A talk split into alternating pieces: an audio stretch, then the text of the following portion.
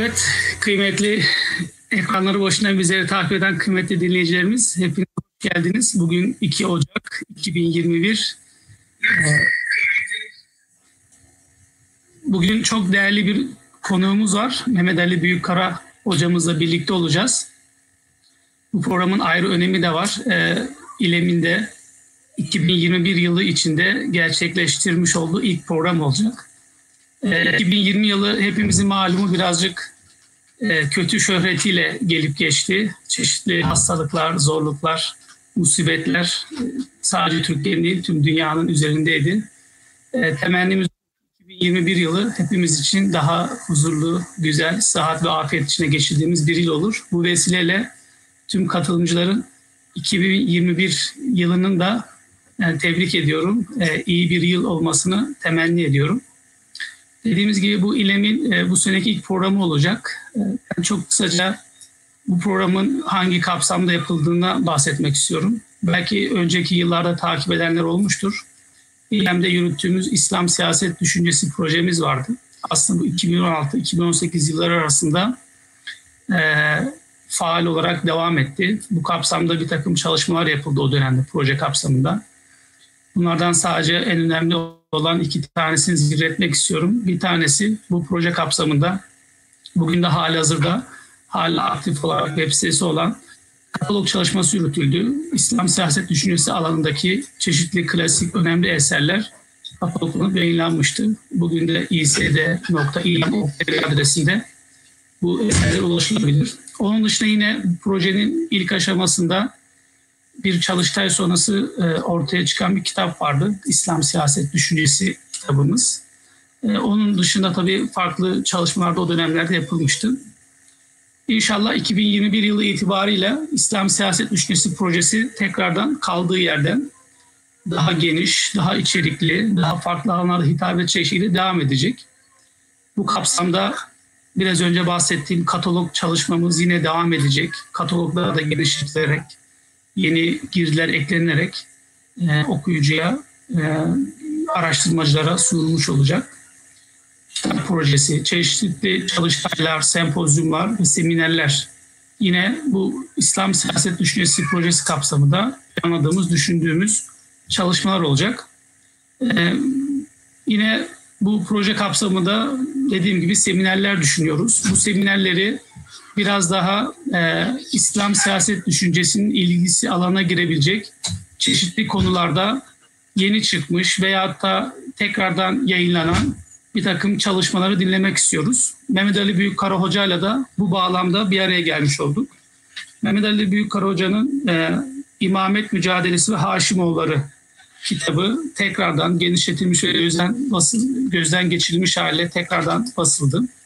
Yani bugün aslında biraz o kitabı da baz alarak ama daha genel olarak İslam siyaset düşüncesinde imamet meselesini bugün e, konuşmuş olacağız. E, Mehmet Ali Büyükkara Hoca özellikle çağdaş İslami akımlar, din siyaset ilişkisi, e, günümüz selefiliği gibi e, pek çok konuyla ilgili ve çok e, yoğun alanında gerçekten boşluk dolduran çalışmalara e, imza atan e, bir hocamız. Kendisi doktorasını e, Edinburgh Üniversitesi'nden 1997 yılında aldı. Daha sonra Türkiye'ye döndükten sonra çeşitli üniversitelerde görevler yaptı. Bu üniversitelerde dekanlık, senato üyeliği, bölüm başkanlığı gibi çeşitli görevleri oldu. Ee, Marmara Üniversitesi ve e, Şehir Üniversitesi'nde bulundu e, Mehmet Ali Büyükkara Hocam. Hocam e, davetimizi kabul ettiğiniz için çok teşekkür ediyoruz öncelikle. Formatımız hakkında çok kısaca da bir bilgi verip mikrofonu size bırakmak istiyorum. Arkadaşlar hoca sunumunu yapacak. Sorularınız olursa bizlere YouTube'dan sorularınızı yazabilirsiniz. Hoca sunum bitirdikten sonra ben sizin sorularınızı toparlayıp hocanın sunumu bittikten sonra hocaya sormuş olacağım.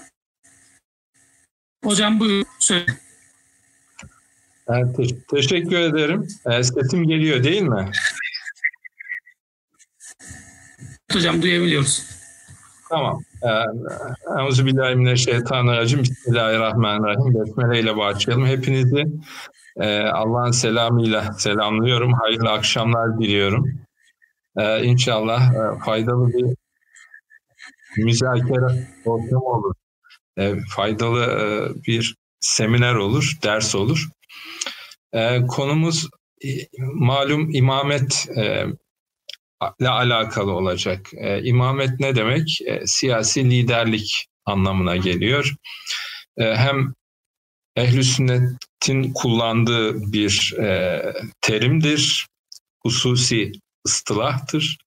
E, hem de özellikle Şia'nın iman esasları arasına da koyduğu e, o terim olarak, kelime olarak iman esasları arasına koyduğu mühim bir mevzudur. Onlarda da aynı anlamda yani siyasi liderlik ama aynı zamanda dini liderlik. Şimdi bir de hilafet var. E, hilafetle imamet arasında ne fark var? Aslında çok bir fark yok.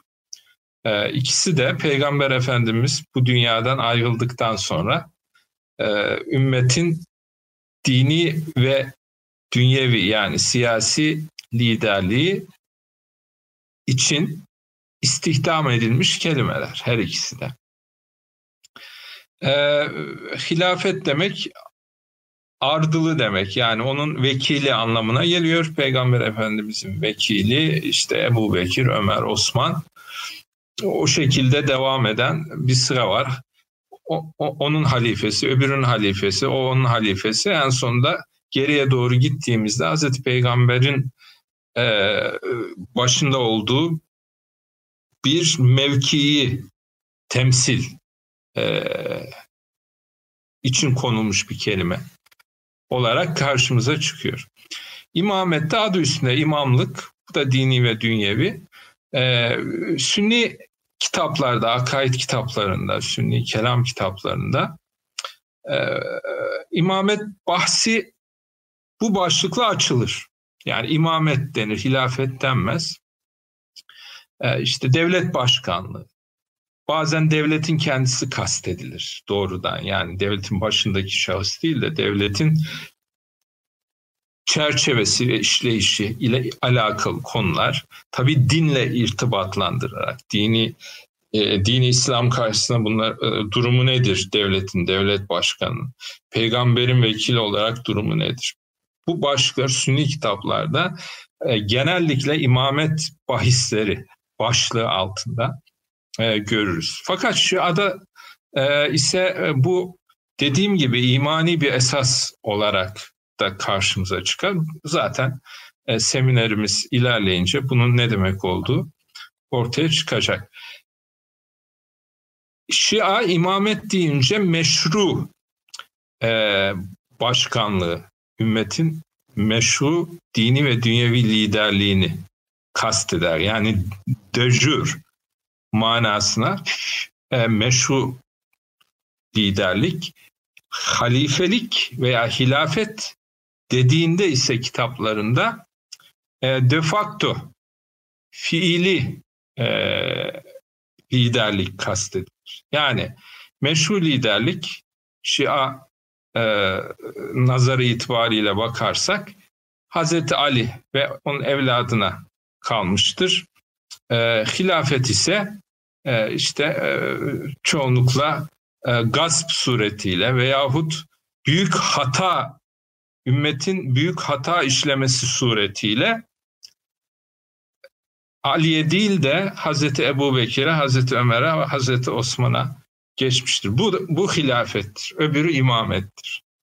Bir tanesi meşru liderlik, diğeri fiili liderlik. Arkasından e, Abbasilerin ve onlar ondan önce de Emevilerin, onların arkasından Osmanlıların e, durumu da e, fiili hilafettir. Ama bu onların meşruluğu anlamına gelmez. Evet, kelime olarak e, bu şekilde bir giriş yapabiliriz. Şimdi Burada ortak e, nokta nedir? Yani hem ehli sünnet açısından hem Şia açısından her iki mezhep içinde imametin vacip oluşudur. Artık hilafeti kullanmayacağım, imamet üzerinden gideceğim. Çünkü ehl sünnette de aynı manaya gel, geldiğini söyledim. Ee, imametin vacip oluşudur. Ortak nokta bu. Ee, ehl sünnete göre hem çoğunlukla hem dinen hem aklen e, ümmetin selameti açısından eminiyetlerin beş dinin beş eminiyetin korunması açısından e, ümmetin başında siyasi bir liderin olması veya bir liderliğin olması vaciptir. Şia açısından da bu öyledir. Fakat mahiyet e, farklılığı var. Yani ayrıldıkları nokta var. E, Şia açısından da bu aynıdır. E, çünkü dünyanın hatta kainatın imamsız devam etmesi Şia'ya göre mümkün değildir. Yani mutlaka e, başta e, Şii bir e, imamın olması, meşru imamın olması vaciptir. Yani bu imam e, de, decür yani e, meşru bir biçimde başta olmayabilir. Başta olmayabilir ama bu e, Allah'ın bildiği, meleklerinin bildiği e, ve seçilmiş kullarının ve şianın bildiği bir gerçek olarak bir kenarda durur. İsterse başka insanlar halifeyiz, imamız diye çıksınlar. Bu e, bu şekilde yürür. Yani dünyanın devamı mümkün değildir. Kıyamete kadar imamsız bir şekilde dünya e, hiçbir biçimde devam edemez. Yani imamın mutlaka bulunması gerekir. E, ve o zamanın imamının insanlar tarafından tanınması vaciptir. Dini bir husus olduğu için e, bu ve Allah'ın tayiniyle gerçekleşmiş bir husus olduğu için e, zamanın imamı kimse bütün e, insanlığın bunu bilmesi ve tanıması gerekir. Bilmez ve tanımazlarsa onun vebali, onun günahı bazen fısk şeklinde, bazen küfür şeklinde onların omuzları üzerindedir. Bu konuda bir mükellefiyetin olduğu söyleniyor. Bu dediğim husus işte e, imamet meselesini bir iman mevzu haline getiriyor. E, mesela İsna Aşeriye Şiasının beş şartından bir tanesi imamet olarak karşımıza çıkıyor. Şimdi Sünni argüman bu hususta nedir? Ee, ima, yani imametin e, vacip oluşunda ortak nokta ama mesela Hazreti Ebu Bekir, Ömer, Osman, Ali sırası ve sonraki e, olup bitenler nasıl e, dinileştirilip ve rasyonel bir halde açıklanıp ümmetin önüne koy, koyuluyor. Şu şekilde e, Hazreti Peygamber bir defa kendi yerine e, geçecek halifenin kimliğini açık etmemiştir. Bu konuda bir belirleme yapmamıştır. Ona gelen kitap Kur'an-ı Kerim'de böyle bir belirlemede bulunmamıştır. Bu ne demektir? Bu iş ümmete e, havale edilmiştir. Ümmet bunu yapacaktır. Seçim yoluyla yapacaktır veya istihlaf dediğimiz ta, yerine bırakma ve rıza şeklinde bu olacaktır. Yani ya seçimle olacak ya da çoğu zaman bu saltanat sisteminde gördüğümüz istihlaf ve rıza şeklinde bu olacaktır. Sünni argüman bu şekilde oluşuyor. Yani Peygamber Efendimizin benim ümmetim yanlış üzere birleşemezler şeklindeki e, ondan gelen rivayet, hadisi şerif bu konuda temeli oluşturuyor. Yani ümmetin çoğunluğu kimi e, başta başa çıkartmışsa, en tepeye taşımışsa e, bir şekilde e, o meşru lider haline geliyor. Şia ise bu argümanı kesinlikle reddeder. Böyle bir imametin olamayacağını söyler. İmamet bir rehberliktir. Ümmetin rehberliği hem dini işleri hem dünyevi maslahatları e, ortaya çıkartmak için dini işleri yürütmek, dünyevi maslahatları da yerine getirmek için bir kurulmuş bir kurumdur.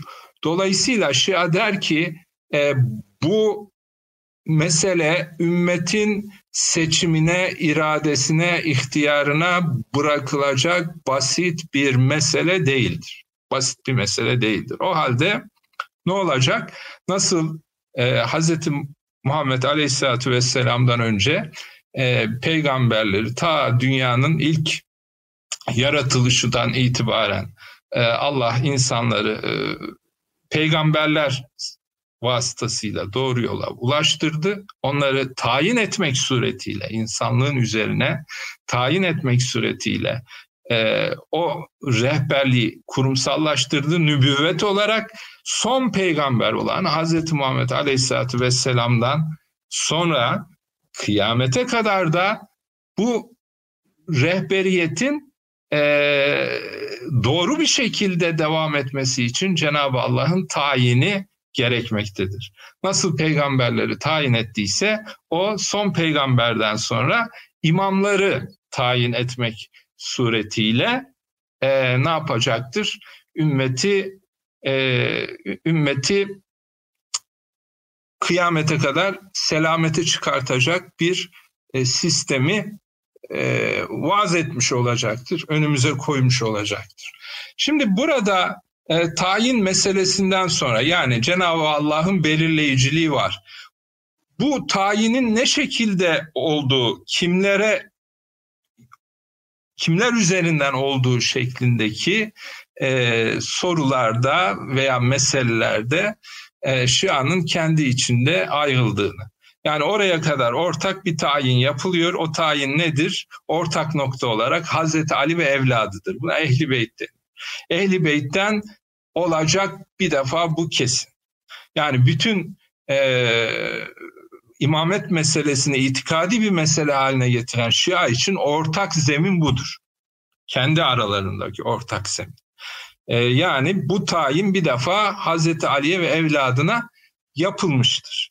Ne zaman yapılmıştır? İşte e, Allah'ın emri uyarınca e, Gadir-i Hum'da e, peygamberimiz e, dönerken e, Mekke'den Medine'ye mola verdiği Gadir Hum mevkiinde Zilhicce'nin 18. günü e, Allah'ın emri uyarınca ve o sırada inen ayetin gereğince Estaizu billah yevme ekmeltu leküm dineküm ve etmemtu aleykum nimeti şeklinde devam eden o ayet bugün sizin dininizi tamamladım size din olarak İslam'ı seçtim ondan razı oldum şeklinde mealen vereceğimiz o ayette inince e, artık e, o tayini orada yapmış Hazreti Ali'ye işaret etmiştir.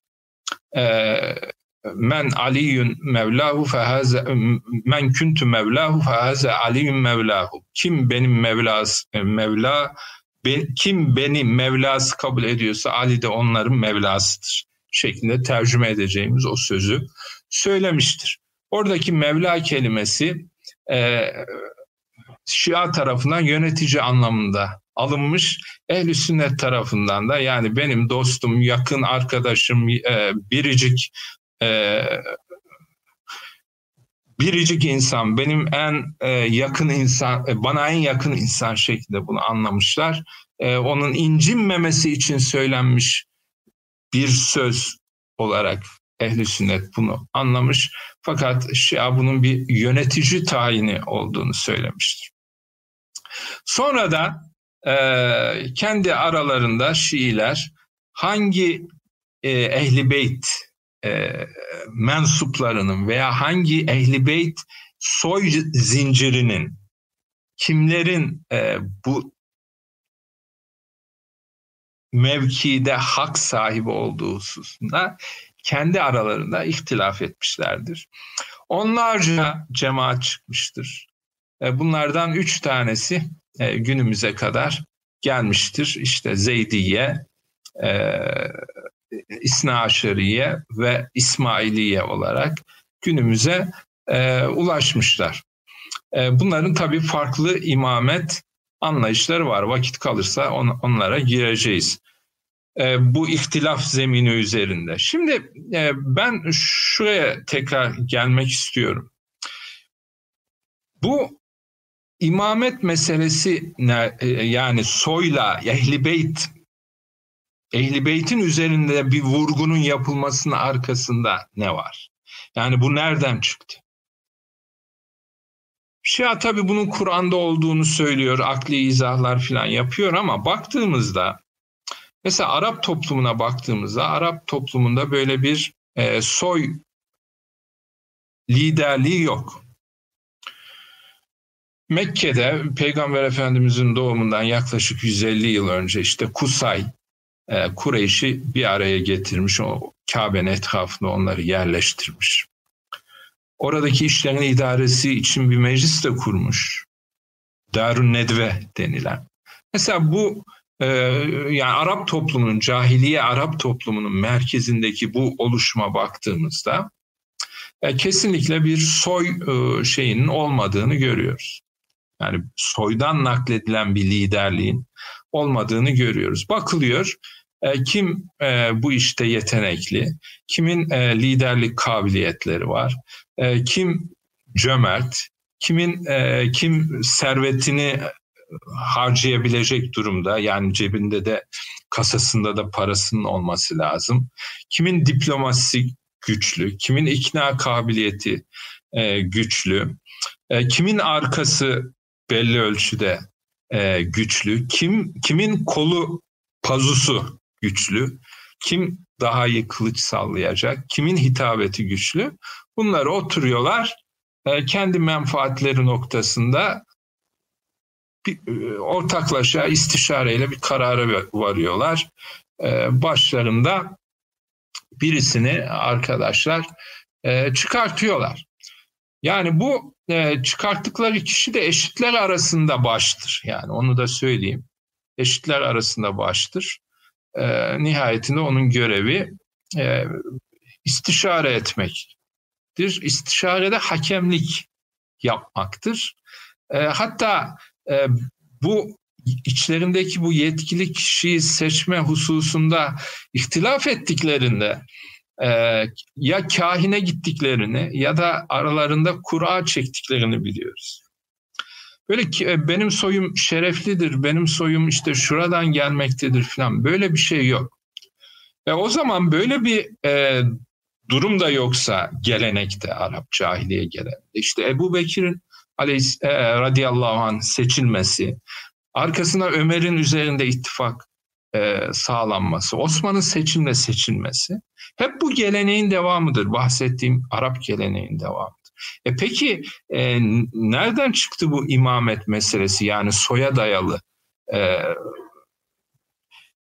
yani bir nevi Allah'ın tayini dediğimiz tanrısal bir e, arka planında olduğunun e, kabul edilmesi e, bu, bu nereden çıktı? Bu yabancı bir etkidir değerli arkadaşlar. Yani o toplum dışında olan bir etkidir. Bu konuda değişik teoriler var. Yani bu etki daha çok e, nereden doğru gelmiş, nereden tesir etmiş. E, Yemen e, teorisi var. E, Yemen İranların uzun yıllardır ellerinde tuttuğu bir şey. Arapların çok yakından irtibatlı olduğu Mekkelilerin, Medinelerin çok yakından irtibatlı oldukları bir bölge. Ee, orada e, işte İran üzerinden bir etkinin söz konusu olduğu söyleniyor. Ee, ama e, yani bu doğru. Ben buna katılıyorum. Böyle bir tesir var. Ama asıl yani imamet meselesinin ciddi bir e, mesele haline gelmesi ve inanç e, boyutuna taşınması yani siyasi bir mesele olmaktan çıkıp siyaset artı din düzeyinde beraberce e, ele alınmaya başlaması ikinci hicri yüzyılın başı genel olarak. Yani yüzlü yıllar hicri olarak konuşacak olursak. E, bu, bu dönemde aslında e, Müslümanların ulaştığı e, Irak ve Suriye'deki duruma da bakmak lazım.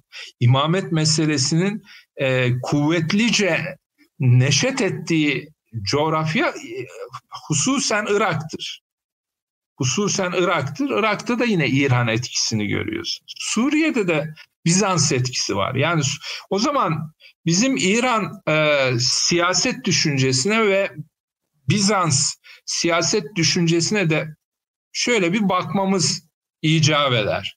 E, Bizans e, şeyine baktığımızda, Bizans e, siyaset teorisine e, değerli arkadaşlar baktığımızda e, kutsal bir imparatorluk, kutsal bir imparator imajının kesinlikle olduğunu e, görürüz. Bir teokratik devletti Bizans. E, Tanrı'nın ülkesini Tanrı tarafından bir nevi desteklenen imparator e, yürütmekteydi. Şeye baktığımızda, İran'a baktığımızda değerli arkadaşlar, yine İran toplumunda da kralın veya şahın, Sasani şehinşahının kutsallığı düşüncesi var. Bu zerdüşlükten de e, besleniyor. E, yani e, Ahur, Ahura Mazda'nın e, Tanrı Ahura Mazda'nın yetkilendirdiği bir şahıstır. Mesela bu noktada en e, dikkat çeken şah Erdeşir'dir. E, yani onun zamanında hususen e, bu kavramların daha kuvvetlice altının çizildiğini, e, ta, kendisine verilen kudretin Tanrı tarafından verildiğinin iddia edildiğini görüyoruz. Ve bu kuvvet, e, bu kuvvet e, bir kere verilmişse nesilden nesile geçiyor. Yani o şekilde e, algılıyorlar. O şekilde algılıyor. Hatta fer dediğimiz bir e, nurun e, nesilden nesile aktarıldığı imparator daha doğrusu şahlar üzerinden aktarıldığı bu bizim e, biraz tasavvufta var ama en çok imamiye e, şeyinde var, irfanında var. Nuru ilahi veya nuru Muhammedi dediğimiz. Yani nuru Muhammedi'nin kaynağı da nedir?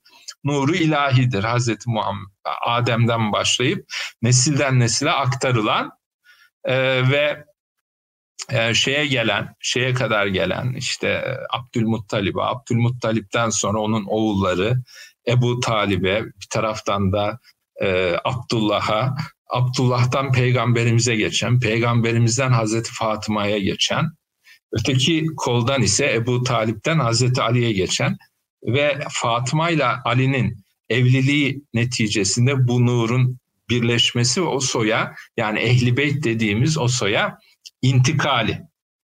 Yani bu e, siyasi karşılıklı tes karşılaşmalar ve tesirlerin bunda rolü olduğunu görebiliriz. Yoksa Arap toplumunun böyle bir e, çıktı üretmesi, böyle bir düşünce üretmesi o dönemin tarihi iyi bilindiği için e, rahatlıkla söyleyebiliriz. Pek mümkün görünmüyor.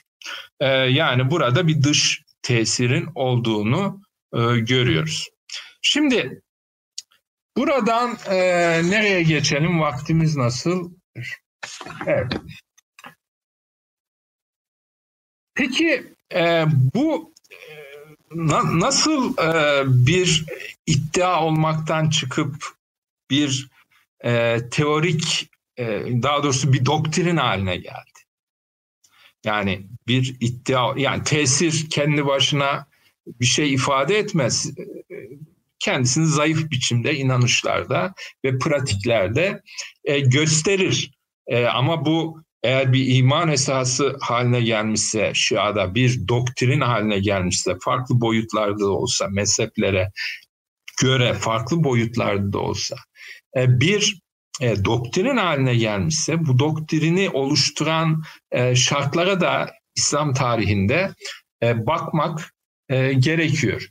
Şimdi ilk spekülasyonların Irak'ta yapıldığını ifade ettik. E, ondan önce e, işte Hazreti Ali'nin halife olma isteğini de görmezden gelemeyiz. Yani bu ikinci yüzyılı bir, ta- bir tarafa bırakalım daha geriye gidelim.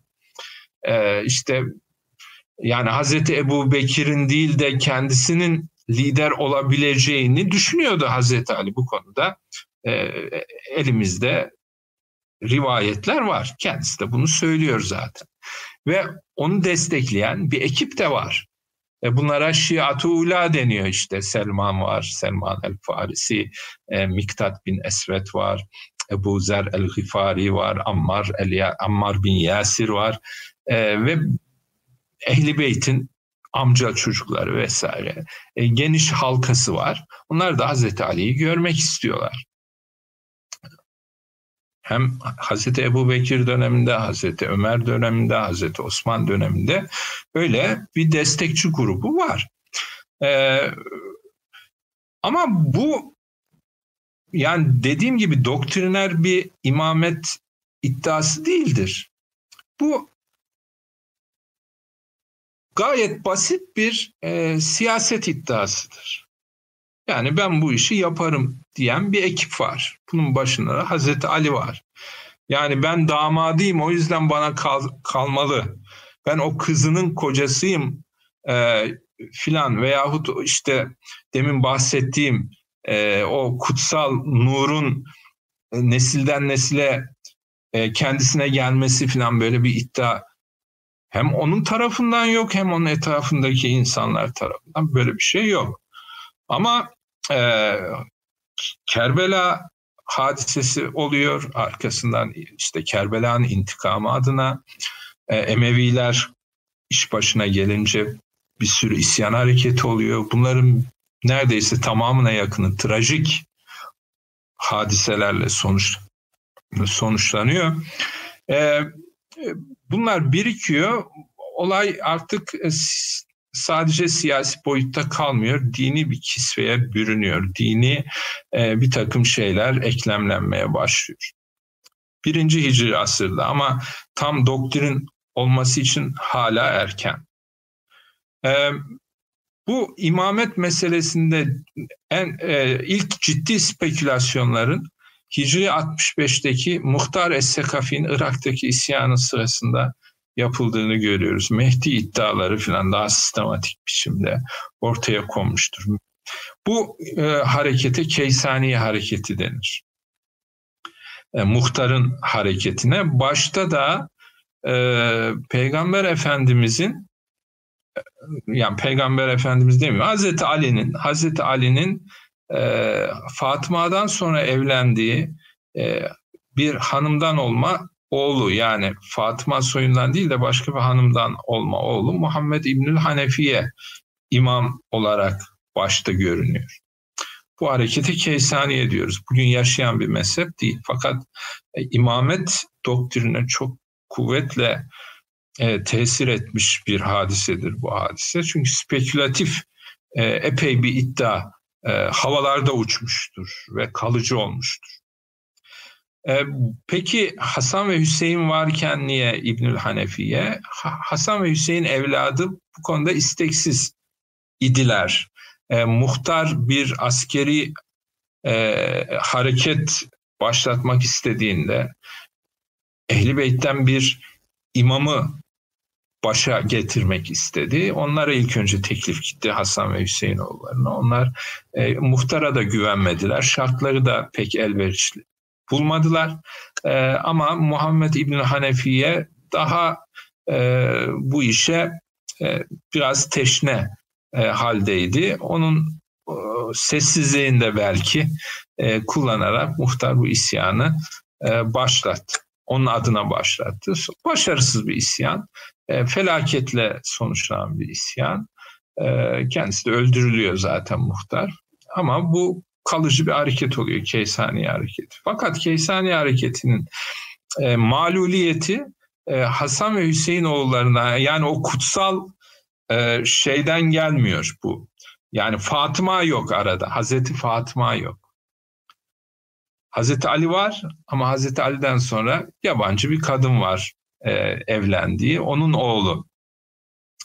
İşte ben bu imamet mücadelesi yeni e, bahsettiği Ahmet Hoca'nın bahsettiği imamet mücadelesinde buradan başlayarak bu e, karizmacı e, imametçi anlayışın e, kendi içindeki e, mücadelesini anlatmaya çalıştım. Yani Emevilerle veya Abbasilerle olan mücadeleden çok, yani özellikle Emevilerle olan mücadeleden çok kendi içlerinde. Abbas oğulları da bunun bir parçası. Çünkü onlar da ehli beyt. Onlar da ehli beyt. Şimdi bu hareket, Keysaniye hareketi e, mağlup oluyor, yer altına iniyor. Yer altına iniyor, güçlü bir şekilde örgütleniyor hususen Irak'ta. Sonra e, ne yapıyor? İçten içe ihtilal hazırlığı içinde bulunuyor. Burada bu bahsettiğim Muhammed İbni Hanefiye'nin oğlu Ebu Haşim bu hareketin liderliğini Abbas oğullarına teslim ediyor. Kendisinden sonra vasiyet ediyor. Bu hareket diyor Abbas oğullarındır. Tek tek hareketin yer altındaki kurmayların isimlerini veriyor ona teslim ediyor. Şu şehirde şu var, şu mahallede şu var. Seninle bunlar irtibat kuracaklar filan. Niye? Kendi akrabaları olan, üvey de olsa kendi kardeşleri olan Hasan ve Hüseyin oğullarına teslim etmiyordu. Daha uzaktan akrabaları olan Abbasoğullarına tems teslim ediyor sorusu mühim bir sorudur. E çünkü aile içinde sıkıntı var. Bunlar ikinci konumda e, kalmışlar. Yani Hasan ve Hüseyin oğulları nezdinde e, daha e, alt bir itibar e, sahibi sayılmışlar. Üvey kardeşleri. E, onlar da yani miras davası falan olmuş. Emevi e, kadılarına gitmişler aralarında. E, diğerleri bunlara miras vermemiş. Hazreti Ali'nin mirasını vermemişler falan. Davalık falan da olmuşlar. İşte Ebu Haşim kalkıyor onlara değil de hareketi Abbasoğullarını tes- teslim ediyor. Abbasoğulları bu hareketi geliştirerek Abbasi ihtilalini e, yapmışlardır. Yani bu çok e, mühim bir e, tarihi anekdottur. Onun hikayesini e, anlattım. Tabii bu arada Abbasiler iktidara gelince e, bu işten çok şaşıran yani hiç ummadıkları her zaman kendi bayrakları altında kendilerine destek veren Abbasilerin birden devletin sahibi olmaları Hasanoğulları ve Hüseyinoğulları için büyük bir şok olmuştur. Ee, ve ondan sonra Abbasilerle bunlar arasındaki e, argümantasyonlar yani liderlik sizde mi olacak, bizde mi olacak? Tabii Abbasiler onlara teslim edecek halleri yok. Ee, onun hikayesini e, anlatan bir kitap oldu o kitap. Şimdi e, kitabı bırakalım. E, geri, geri kalan vaktimizde şu e, günümüze imamet meselesinin nasıl geldiğini siyasi bir e, şey olarak, kavram olarak imamet meselesinin, mezhepler üzerinde nasıl geldiğine bir göz atalım. Şimdi burada tabii Şia deyince ilk akla gelen kol e, veya mezhep İsna Aşeriye'de 12 imamcı Şiilik. Yani Şia, Şia deyince esas onlar anlaşılır.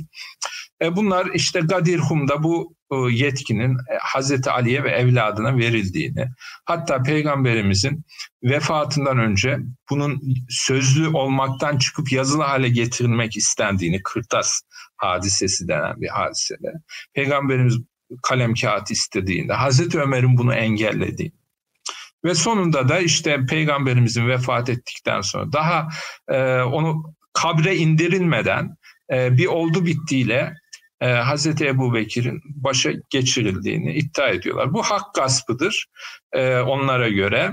E, arkasından Ömer'in, arkasına Osman'ın iktidara gelmesi de bu hak gaspının devamıdır.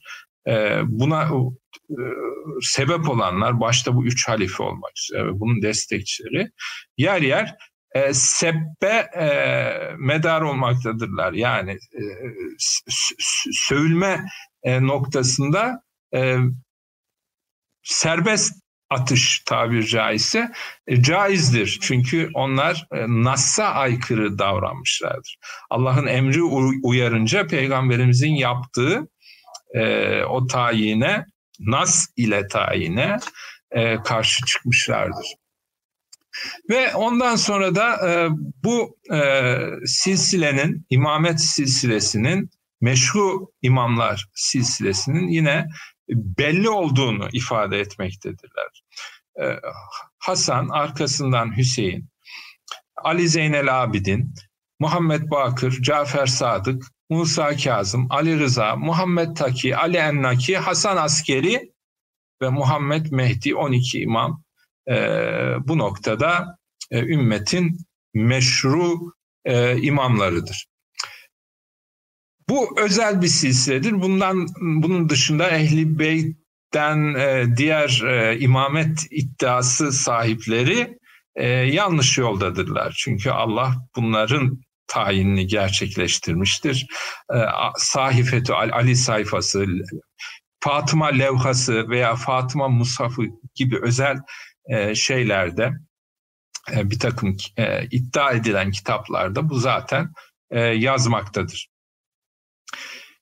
11. İmam Hasan Askeri 874'te vefat edince onun oğlu Mehdi, Muhammed Mehdi 12. imam imameti devralmıştır. Fakat Mehdi'yi kimse görmemiştir. Yaklaşık 65 sene dört tane sefir onunla irtibat kurmuştur. Özür dilerim. 874 ile 941 arasında bu dönem küçük gaybet dönemidir. Yani belli dört kişinin e, imamla irtibat kurduğu ve o irtibatla ümmeti aydınlatmaya rehber, e, rehberliğin devamına e, devamının sürdürüldüğü e, bir dönem. E, 941'de ise e, son sefir demiştir ki bundan sonra Mehdi'yi kimse göremeyecek. Benden sonra başka bir sefir yani vekil olmayacak. E, bundan sonra gaybete gidecek. E, ve gaybette imam olarak kıyamete kadar kalacak. Kıyamet günü Allah'ın belirlediği vakit gelecek. Zulüm ile dolan dünyayı adaletle doldurmak için se- seferber olacak. Ondan sonra ancak kıyamet kopacak e, demiştir. Buna da büyük kaybet diyoruz. Bugün Şii Müslümanlar bunu bekliyorlar. Yani bu e, geri dönüşü bekliyorlar. İmamın gaybetten geri dönüşünü. E, ne demiştik? Kainat imamsız devam etmez. İşte e, bugünkü imam yaşayan fakat göremediğimiz gaybette olan 12. imamdır. Dolayısıyla kainat imamla devam etmektedir. Onu biz görememekteyiz. Tıpkı bulutun arkasındaki güneş gibi onun ısısından ve ışığından faydalanmakla beraber kendisini görememekteyiz. Şimdi burada tabii bir e, siyaset noktasında bir ve dinin e, dini işlerin deruhte edilmesi noktasında bir sorun ortaya çıkıyor. E, bu sorun nedir? E peki otorite tamam e, Mehdi ama Mehdi ile de kimse e, irtibat kuramıyor. O halde onun adına kim bu dini ve dünyevi otoriteyi devam ettirecek? E, burada ahbari ekol e, bu diyor ki rivayetler bize yeter. Rivayetler yani 12 imamdan ve peygamberimizden gelen rivayetler, hadisler, sünnet dediğimiz o çerçeve bize e, kafidir. Başka bir şey gerek yok. Akbari ekol bugün çok çok zayıftır Şia aleminde. Onun yerine usulü ekol e, tam hakimiyet elde etmiştir yaklaşık 150-200 yıldır e, Şia coğrafyasında. Onlar da diyor ki hayır böyle yetmez çünkü yani rivayetler yetmez. Ulema bu noktada yetkilidir. Özellikle dini konularda yetkilidir. Siyasi konulara karışmaz çünkü siyaset meselesi Mehdi'nin dönüşüne kalmış bir meseledir. Adalet devletini Mehdi kuracak kıyamete yakın döndüğünde. 12. imam döndüğünde o kuracak. Ee, o zamana kadar ulema e, dini işleri onun vekaletiyle deruhte eder. Yani fetvaları verir, hüküm çıkarır, kıyas yapar, ayetleri yorumlar, hadisleri şerh eder, tefsir, e, ayetleri tefsir eder. E, fıkıh hükümleri e, ortaya koyar. Şimdi e, peki e, e, o zaman yani hep e, devletin olmadığı bir Şii toplum, bir müminler toplumu olacak. E, aslında teorik olarak böyle. Bu ne zamana kadar devam etti? İşte İmam Hümeyni'nin velayeti fakih dediğimiz siyasi içtihadıyla e, bu belli, başka bir boyuta geldi. İmam Hümeyni dedi ki Tabii onun öncesinde daha evvel alimlerin yaptığı bir hazırlık var ama bunu e, sistematik bir teorik çerçeveye İmam Hümeyni yerleştirmiştir. E, o, o dedi ki e, Mehdi adına alimler aynı zamanda siyasi vekilliği de yürütebilir. Zaten böyle demese ve bunu e, ulemaya ve Şiilere kabul ettiremese de, devrimi de yapamazdı yani 1979 İran İslam devrimini. Çünkü devletin kurulması, adalet devletin, adil bir devletin, İslam devletin kurulması demek Mehdi'nin yapacağı işi yapmak demek. Eğer siz adil bir devlet kurarsanız o zaman Mehdi'nin gelişini e, e, önlemiş de oluyorsunuz teorik manada. E, çünkü o zulüm ile dolan dünyayı adalet zulüm ile dolan dünyaya adaleti getirecek. Siz ise zulümü kaldırıp e, Mehdi adına adaleti tesis ediyorsunuz. O yet o yetkiyi kendinize veriyorsunuz. E, fakat bu e, şey e, bu bu iştihat büyük ölçüde tutmuştur. Özellikle İran'da ulema arasında ekseriyet bunu kabul etmiştir. E, kabul etmeyen de sessiz kalmıştır çoğunlukla. E, daha sonra sessiz kalmayanlar da tasfiye edilmişlerdir. Bugün İran'ın e, anayasasının beşinci maddesi e, bunun üzerine bina edilmiştir. Yani e, ve, Veliyül Asr gelene kadar yani İmam Mehdi gelene kadar e, bu iş e, kimler tarafından yürütülür? Alimler tarafından. Hem dini hem dünyevi. Buna rehber diyoruz, rehberiyet diyoruz. Evet, e, siyasi otoritenin tesisi bu şekilde İsna Şeriye Şiasında. E, imamet e, karizmatik bir imamettir, mitolojik bir imamettir. E, aynı zamanda yani Şia imamet doktrini karizmacıdır, belli bir soya dayanır. Aynı zamanda mitolojiktir. Neden mitolojiktir?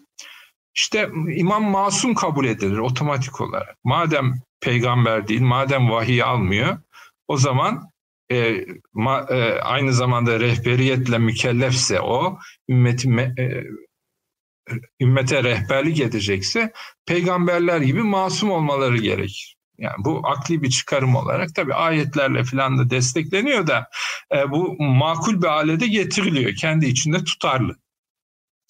Aynı zamanda onun e, rehberi, e, rehberiyet ettiği için ilmi vehbi bir ilimdir. Vehbi ilim olduğu için 9. ve 10. imam örneklerinde olduğu gibi çocuk yaşta imamete geçilebilir.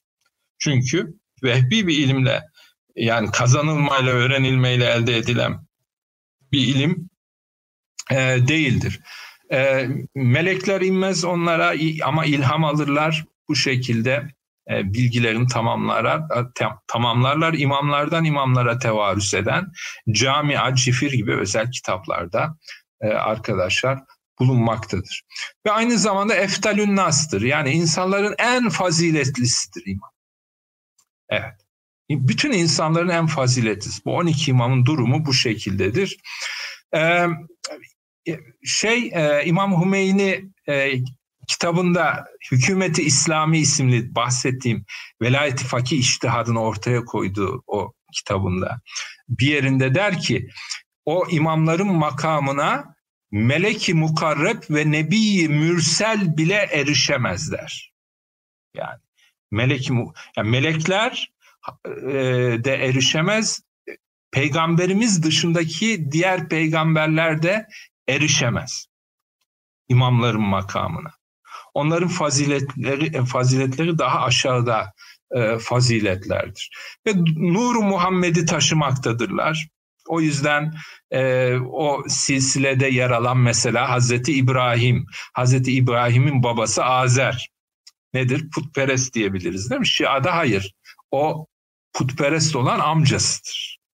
Nuru Muhammedi'nin e, mümin insanlardan mümin insanlara intikali ve bozulmadan gelebilmesi için arada müşrik münafığın bulunmaması gerek. O yüzden Hazreti İbrahim'in babası Müslümandır. Hazreti Peygamber'in babası Abdullah Müslümandır. Hazreti Ali'nin babası Ebu Talip Müslümandır. E, o, o şekilde intikal etmiştir. Evet, 12 e, imamdan sonra da dediğim gibi e, bu meselenin, otoritenin nasıl yerine getirileceği ifade ediliyor. Bir de İsmailiye var. İsmailiye'de e, daha farklı bir boyut. Yani dinin zahiri ve batını ayrımı üzerine oturan bir teoloji. Yani her zahirin bir batını vardır anlayışı. Yani Kur'an'ın okuduğumuzda anladığımız manasının arkasında anlayamadığımız başka manalar vardır. Peki lügat yardımıyla bildiğimiz Arapça ile bunu anlayamıyorsak neyle anlayacağız? Madem o, o da bir hakikat. Zahir yanında batın da bir hakikat. Zahiri peygamberler te, tebliğ eder. E batını kim tebliğ eder? İmamlar tebliğ eder. İşte Cafer Sadık'a kadar imamlar silsilesi ortak. Cafer Sadık'tan sonra İsmail, Muhammed bin İsmail falan diye devam ediyor. Sonra da Fatımiler, Fatimi imamlara geçiyor. 250 yıl Mısır ve etrafını idare eden o hanedan. Sonra da yıkıldıktan sonra da Fatımiler, Nizariler ve Müstaliler olarak ikiye ayrılıyorlar. Ee, bu e, imamlara tabi olmak suretiyle o batını öğrenme e, şeyine sahip olabiliriz, yetkisine sahip olabiliriz. Zahirle yetinen hakikate ulaşamaz. Batın da lazım. Batına e, ulaşmak için de imamları takip etmek, imamların talimine, öğret, öğretilerine tabi olmak gerekir. Evet, bugün e, İsmaillerde e, durum nedir? E, Müstali İsmaillerde 53. dahi Mufattal Seyfüddin 2014'ten beri baştadır. 53. dahi Ehl-i Beyt'ten gelen silsile olarak e, bu kolda zahir batın dengesi gözetilmeye çalışılır. Öbür kol olan nizarilikte ise koyu bir batini teoloji vardır.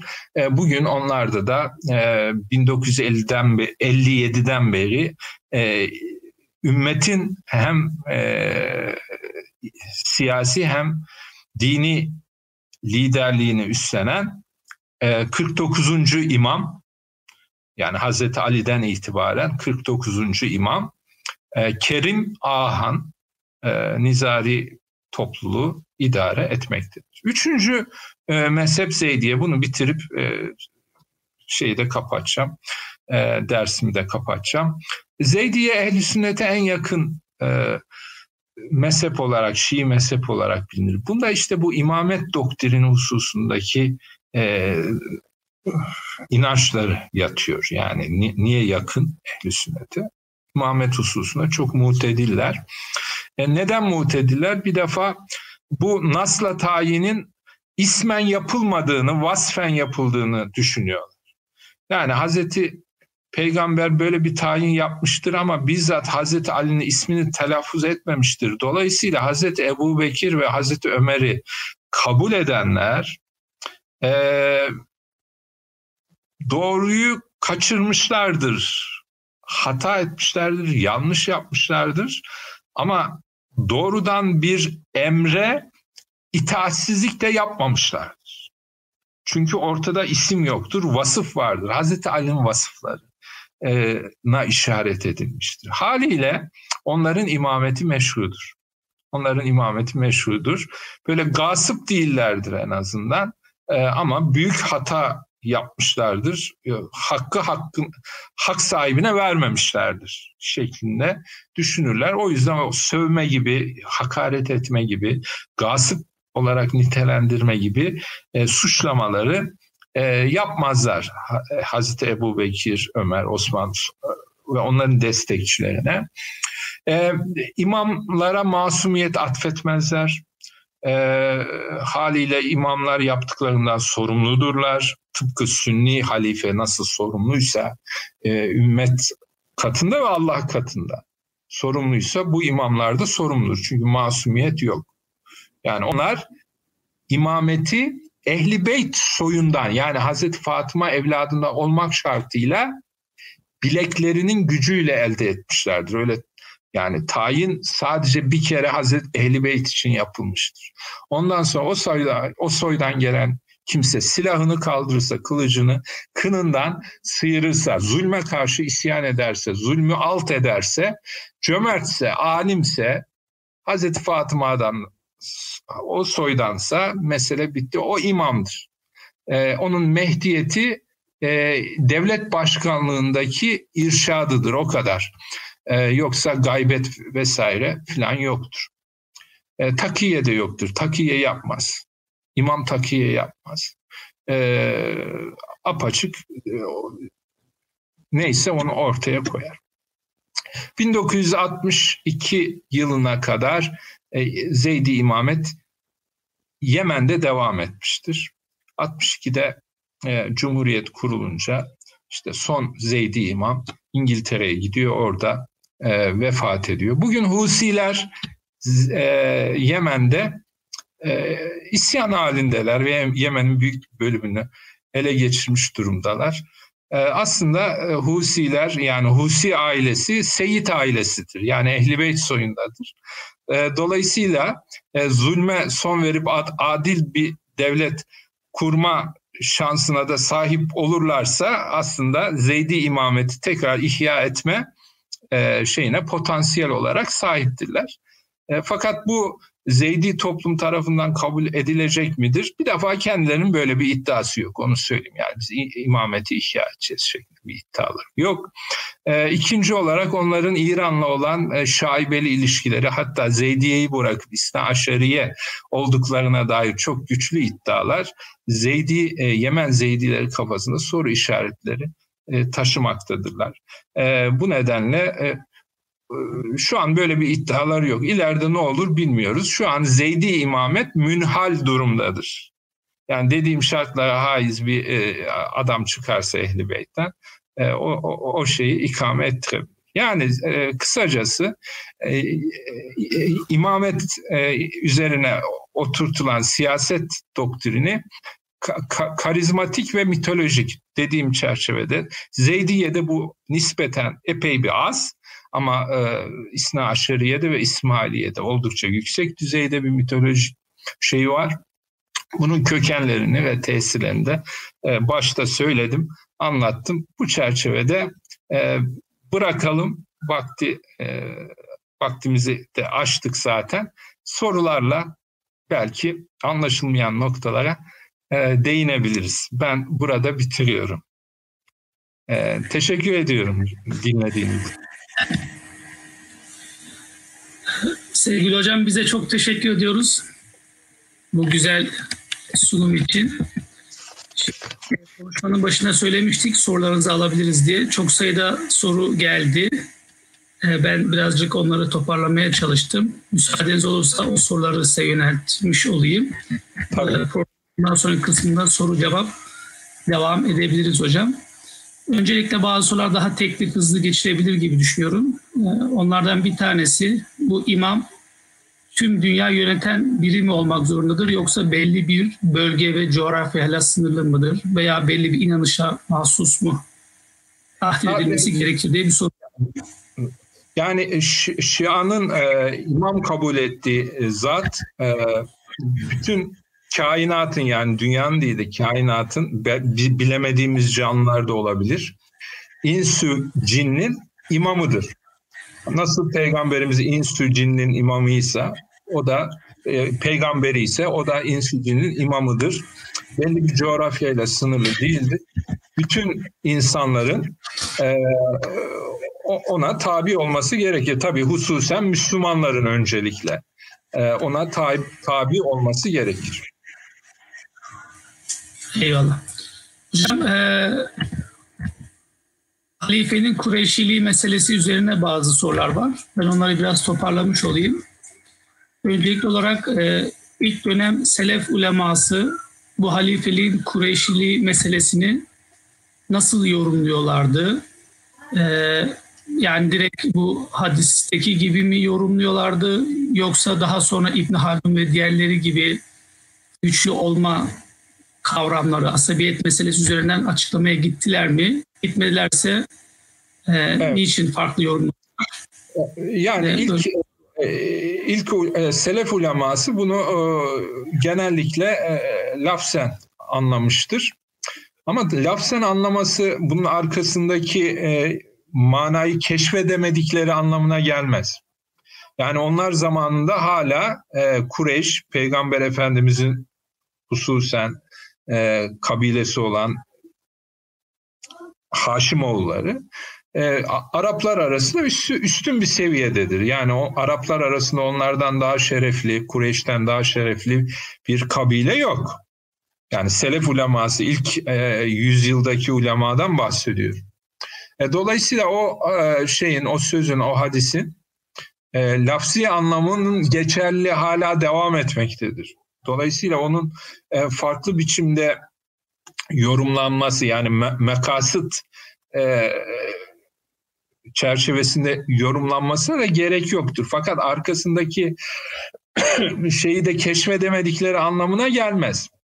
Yani İbn Haldun'un keşfettikleri şeyleri onlar, onlar keşfedememişlerdi şeklinde demek de yanlış olur. Ama onlar zamanında zaten başka alternatif e, bulunmamaktadır.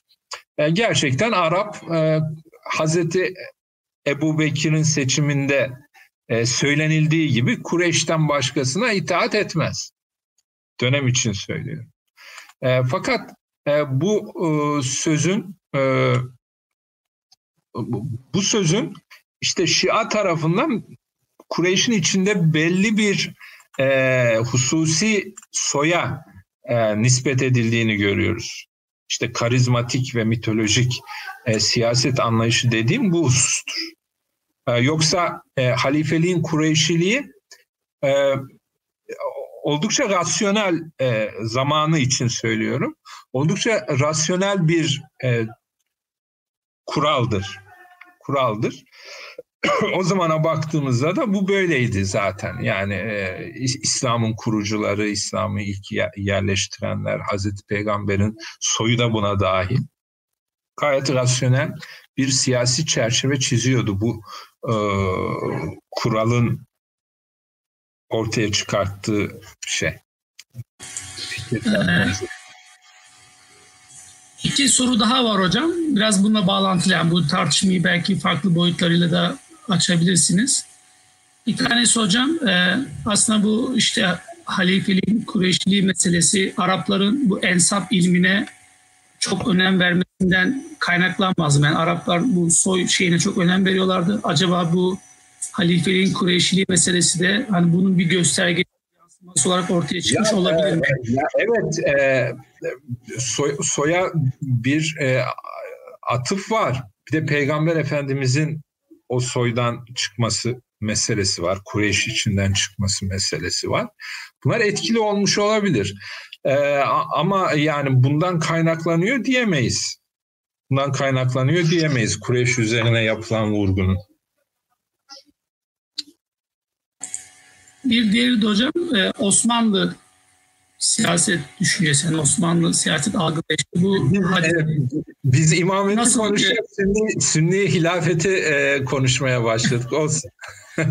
e, yani bu e, hani halifeliğin Kureyşiliği meselesini nasıl yorumlamışlardır veya bunu nasıl aşmışlardır e, Osmanlı halife, halifeliği şey belirlerken. Ya o, o, Böyle bir Osmanlı, Osmanlı bunu fazla karıştırmamaya çalışmış. Yani o devakto almış. Hatta bir süre ondan söz etmemiş. Bu konuda e, isimler bizim Özgür Hoca'dır. Özgür Hoca'dan inşallah müsait bir zamanda bunu e, şey yapalım. O dönemin e, e, risalelerini falan tek elinden geçirir. E, ilk çok fazla karıştırmamışlardı. Yani karşı taraf benim gözlemim şu derin araştırmam yok ama karşı taraf e, karşı argüman e, yani rakipleri Osmanlı'nın rakipleri karşı argüman üretmediği müddetçe konuya şey yapmamış. Yani e, sakinleşmiş, yatışmış tartışmaları durup dururken alevlendirmemiş ama karşı taraftan e, bir e, ciddi e, ne diyelim meydan okuma, fikirsel meydan okuma gelmişse buna da cevap verilmiş. O daha çok İbn Haldun'un anladığı şey üzerinden verilen cevapları görüyoruz. Başka türden de cevaplar var.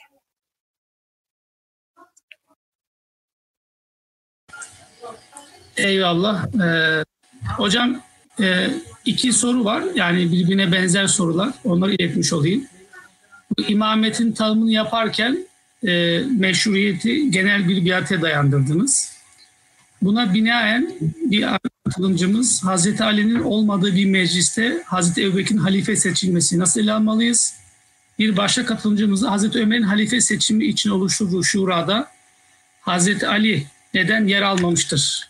Bunlar yani her ikisine de Hazreti Ali'nin olmaması özellikle ya, e, Hazreti, Hazreti, Hazreti Ömer'in e, şura, şuras bıraktığı, vasiyet ettiği şurasında var Hazreti Ali. Orada bir yanlış bilgi olmasın.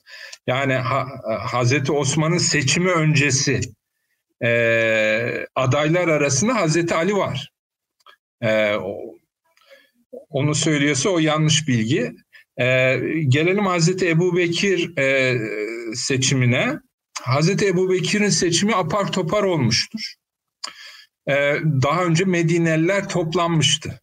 Yani Peygamberimiz vefat eder etmez Medineli Ensar toplandılar ve içlerinde e, Saad bin Ubade'yi e, halife olarak seçtiler. Evs ve Hazreç. Sakifetü Beni Said'e, Beni Said'e gölgeliği denen hemen Kabe'nin yakınında bir yerde toplandılar. Muhacirler e, bunu duydular, apar topar gittiler. İşte Hazreti Ebu Bekir, Hazreti Ömerler, e, Ubeyde, Ebu Ubeyde bin Cerrahlar vesaire. E, Medinelilerin e, hilafet iddiasının çok da yararlı olamayacağı, Arapların Kureyş'i dinleyeceği, dolayısıyla Kureyş'ten seçilmesi gerektiği hususunda ikna ettiler. Medinelilerin büyük bölümünü. Medinelilerin ve Medineliler vazgeçtiler iddialarından. Ee, bu apar topar olmuş bir iştir. Doğru Hazreti Ali yoktur. Hazreti Ali ve ailesi e, defin iş, işleriyle meşguldü ve bu onlara ağır geldi. Yani haklı olarak ben hak veriyorum.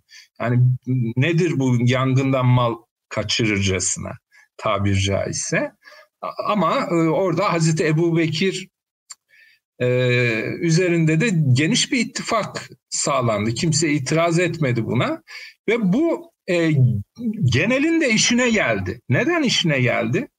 Şimdi Kureyş işinde e, eskiden beri devam eden bir rekabet var. Hatta hatta hususen Haşimov e, yani e, Haşimoğulları ve Ümeyyeoğulları arasında Kureyş'in iki büyük şeyi arasında. Peygamberimiz Haşimoğullarından gelmişti. Çok önemli isimlerinin geç Müslüman olmasının arkasında da böyle bir asabiyet yatar. Ee, her neyse Peygamber Efendimiz vefat ettikten sonra e, Kureyş'in liderliğinin tekrar Haşimoğullarında kalması iki en, en azından iki konuda sıkıntı yaratacaktı. Bir, e, bu eski rekabeti tekrar canlandıracaktı. E, yani e, ve yani devamlı bu Haşimoğullarında mı kalacak? Hazreti Ali e, sülalesinde mi kalacak? Onun erkek evladı yoktu peygamberimiz. İşte damadı vardı ve torunları vardı. Hep burada, burada mı kalacak ve bu Arapların hiç alışık olmadıkları saltanatı mı başlatacak? Yani böyle böyle bir sıkıntı da var. Bunu da kimse istemiyor. Bir daha onlardan almak mümkün olmayacak çünkü gerisin geri. Bu nedenle e, Kureyş'in e, nispeten e, zayıf bir kolundan olan Ebu Bekir'in arkasından da yine zayıf bir kolundan olan Hazreti Ömer'in halife olması güçlü kişilikleriyle bütün çoğunluğun diyelim, bütün demeyeyim, çoğunun işine gelmiştir. Çoğunluğun işine gelmiştir. Hazreti Ali bu noktada tabii mağdur olmuş olabilir. Ama bu o, ümmetin çoğunluğunun bir tercihidir. Ee, böyle şeylerde siyasette çok rıs, e, sık rastlanan olaylardandır ve hayırlı da olmuştur. Yani baktığımızda Hazreti Ebu Bekir ve Hazreti Ömer döneminin e, hiç sıkıntısız atlatıldığını, Hazreti hatta Hazreti Osman döneminin büyük bir kısmının e, pek sıkıntı olmadan atlatıldığını görürüz. Tercihin doğru bir tercih olduğunu tarihi olaylar bize gösteriyor. Son bir sorumuz var. Onunla bitirebiliriz. Ee, bir katılımcımız İslam tarihi boyunca pek çok düşünce ve inanış ortaya çıkmış fakat bunların çoğu kalıcı olmamıştır. Şia'nın formüle ettiği imamet düşüncesinin günümüze kadar güçlü bir şekilde gelmesinin sebepleri sizce nedir diye soruyor. Tabii bu önermeye katılırsanız bu böyle midir ve bunun sebepleri nelerdir? Evet evet yani güçlü bir şekilde geldi çünkü muhalif kimliğini başarıyla e, devam ettirdi. Yani nasıl başarıyla devam ettirdi? Yani bir kültün oluştuğunu görüyoruz. Yani kültler kolay kolay ölmez. O kült e, mesela Kerbela kültüdür. Ee, Kerbela'nın acısının e, her sene güçlü bir şekilde tekrarlanması dünyada başka bir yerde rastlanacak bir şey değildir. Yani Hazreti İsa'nın anılması bile bu kadar e, çapta olmuyor, gerçekleşmiyor. Bir bu. İkincisi imamın gaybette olması meselesi. İmamın gaybette olması e, Şia için siyasi yıkımları e, siyasi yıkımların ha, hakikaten bir yıkım olmadığını onlar açısından göstermiştir. Yani e, mağduriyetlere uğrasalar da mesela Selçuklular zamanında epey bir mağduriyete uğramışlar. Ama imamları e, Sünni mesela Moğollar Sünni hilafeti darmadağın ederken Şiiler eminiyettedir. Onların imamları gaybettedir çünkü. Öyle bir yıkım söz konusu değildir onlar için. Yani maddi yıkımlar yaşasa da kurumsal e, kimlik e, gaybette olduğu için muhafaza edilmiştir. O yüzden sürekli olmuştur. Bir de karizma, karizmatik liderlik her zaman çekicidir. Yani bir de Hazreti Peygamber'in e, sülalesinin üzerinden çıkartılan bu karizmacı anlayış e, her zaman ümmetin önemli bir kesimi için çekici olmuştur. E, ona yapılan zulümler tekrarlanmıştır işte Kerbela gibi am, amma törenleriyle çok sayıda tören var. Kadirhun yani e, ve kabirler üzerinden ah hakeza yani e, sıkıntıların e, giderilmesi noktasında bu imamlar e, bu imamların çektiği acılar bir nevi şefaatçi konuma da sokulmuştur teolojide. Yani e, insanlar, sıkıntıda olan insanların e, yardım isteyeceği odaklar, manevi odaklar olarak da gösterilmiştir. E, bu da güç katmıştır. Bu, bu hadiseler daha çok kabirler etrafında, kabir kültü etrafında yapılmıştır ve yapılmaya devam etmektedir. E, bu, bu e, güç sağlıyor tabii ki. Yani e, bir de Safaviler e, zamanında ve arkasından İran'da Kaçarlar zamanında e, hadisenin e, sadece mistik, e, irfani bir boyuttan e, çıkıp e, yani batılı jargonla konuşacak olursak heterodoksinin e, ortodoksi haline getirilmesi, kurumsallaşması, e, Şeyhülislamlığın oluşturulması, koca bir ülkenin Şiileştirilmesi, ulemanın bağımsızlaşması, Safavilerde başlayan ve Kaçarlarda tamamlanan devletten bağımsız bir e, e sosyolojik e, entite olarak kendisini konumlandırması e, kendi içinde ulemanın kurumsallaşması e, ko- kolay kolay e, izale edilecek şeyler değildir. Yani kaybolacak şeyler değildir. Evet. Çok teşekkür ediyoruz. Sorularımızı bitirmiş olduk. Ee, bu kıymetli sunumunuz için. Ee, bizleri ekranları başına takip eden sevgili dinleyicilerimize de çok teşekkür ediyoruz. Ee, bir programın daha sonuna gelmiş olduk. Ben de Tekrardan, teşekkür ediyorum. Ee, herkese hayırlı akşamlar diliyorum. Evet, e, tekrar 2021 yılının hepimiz için hayırlara vesile olmasını temenni ediyoruz. Hayırlı akşamlar olsun. Hayırlı akşamlar.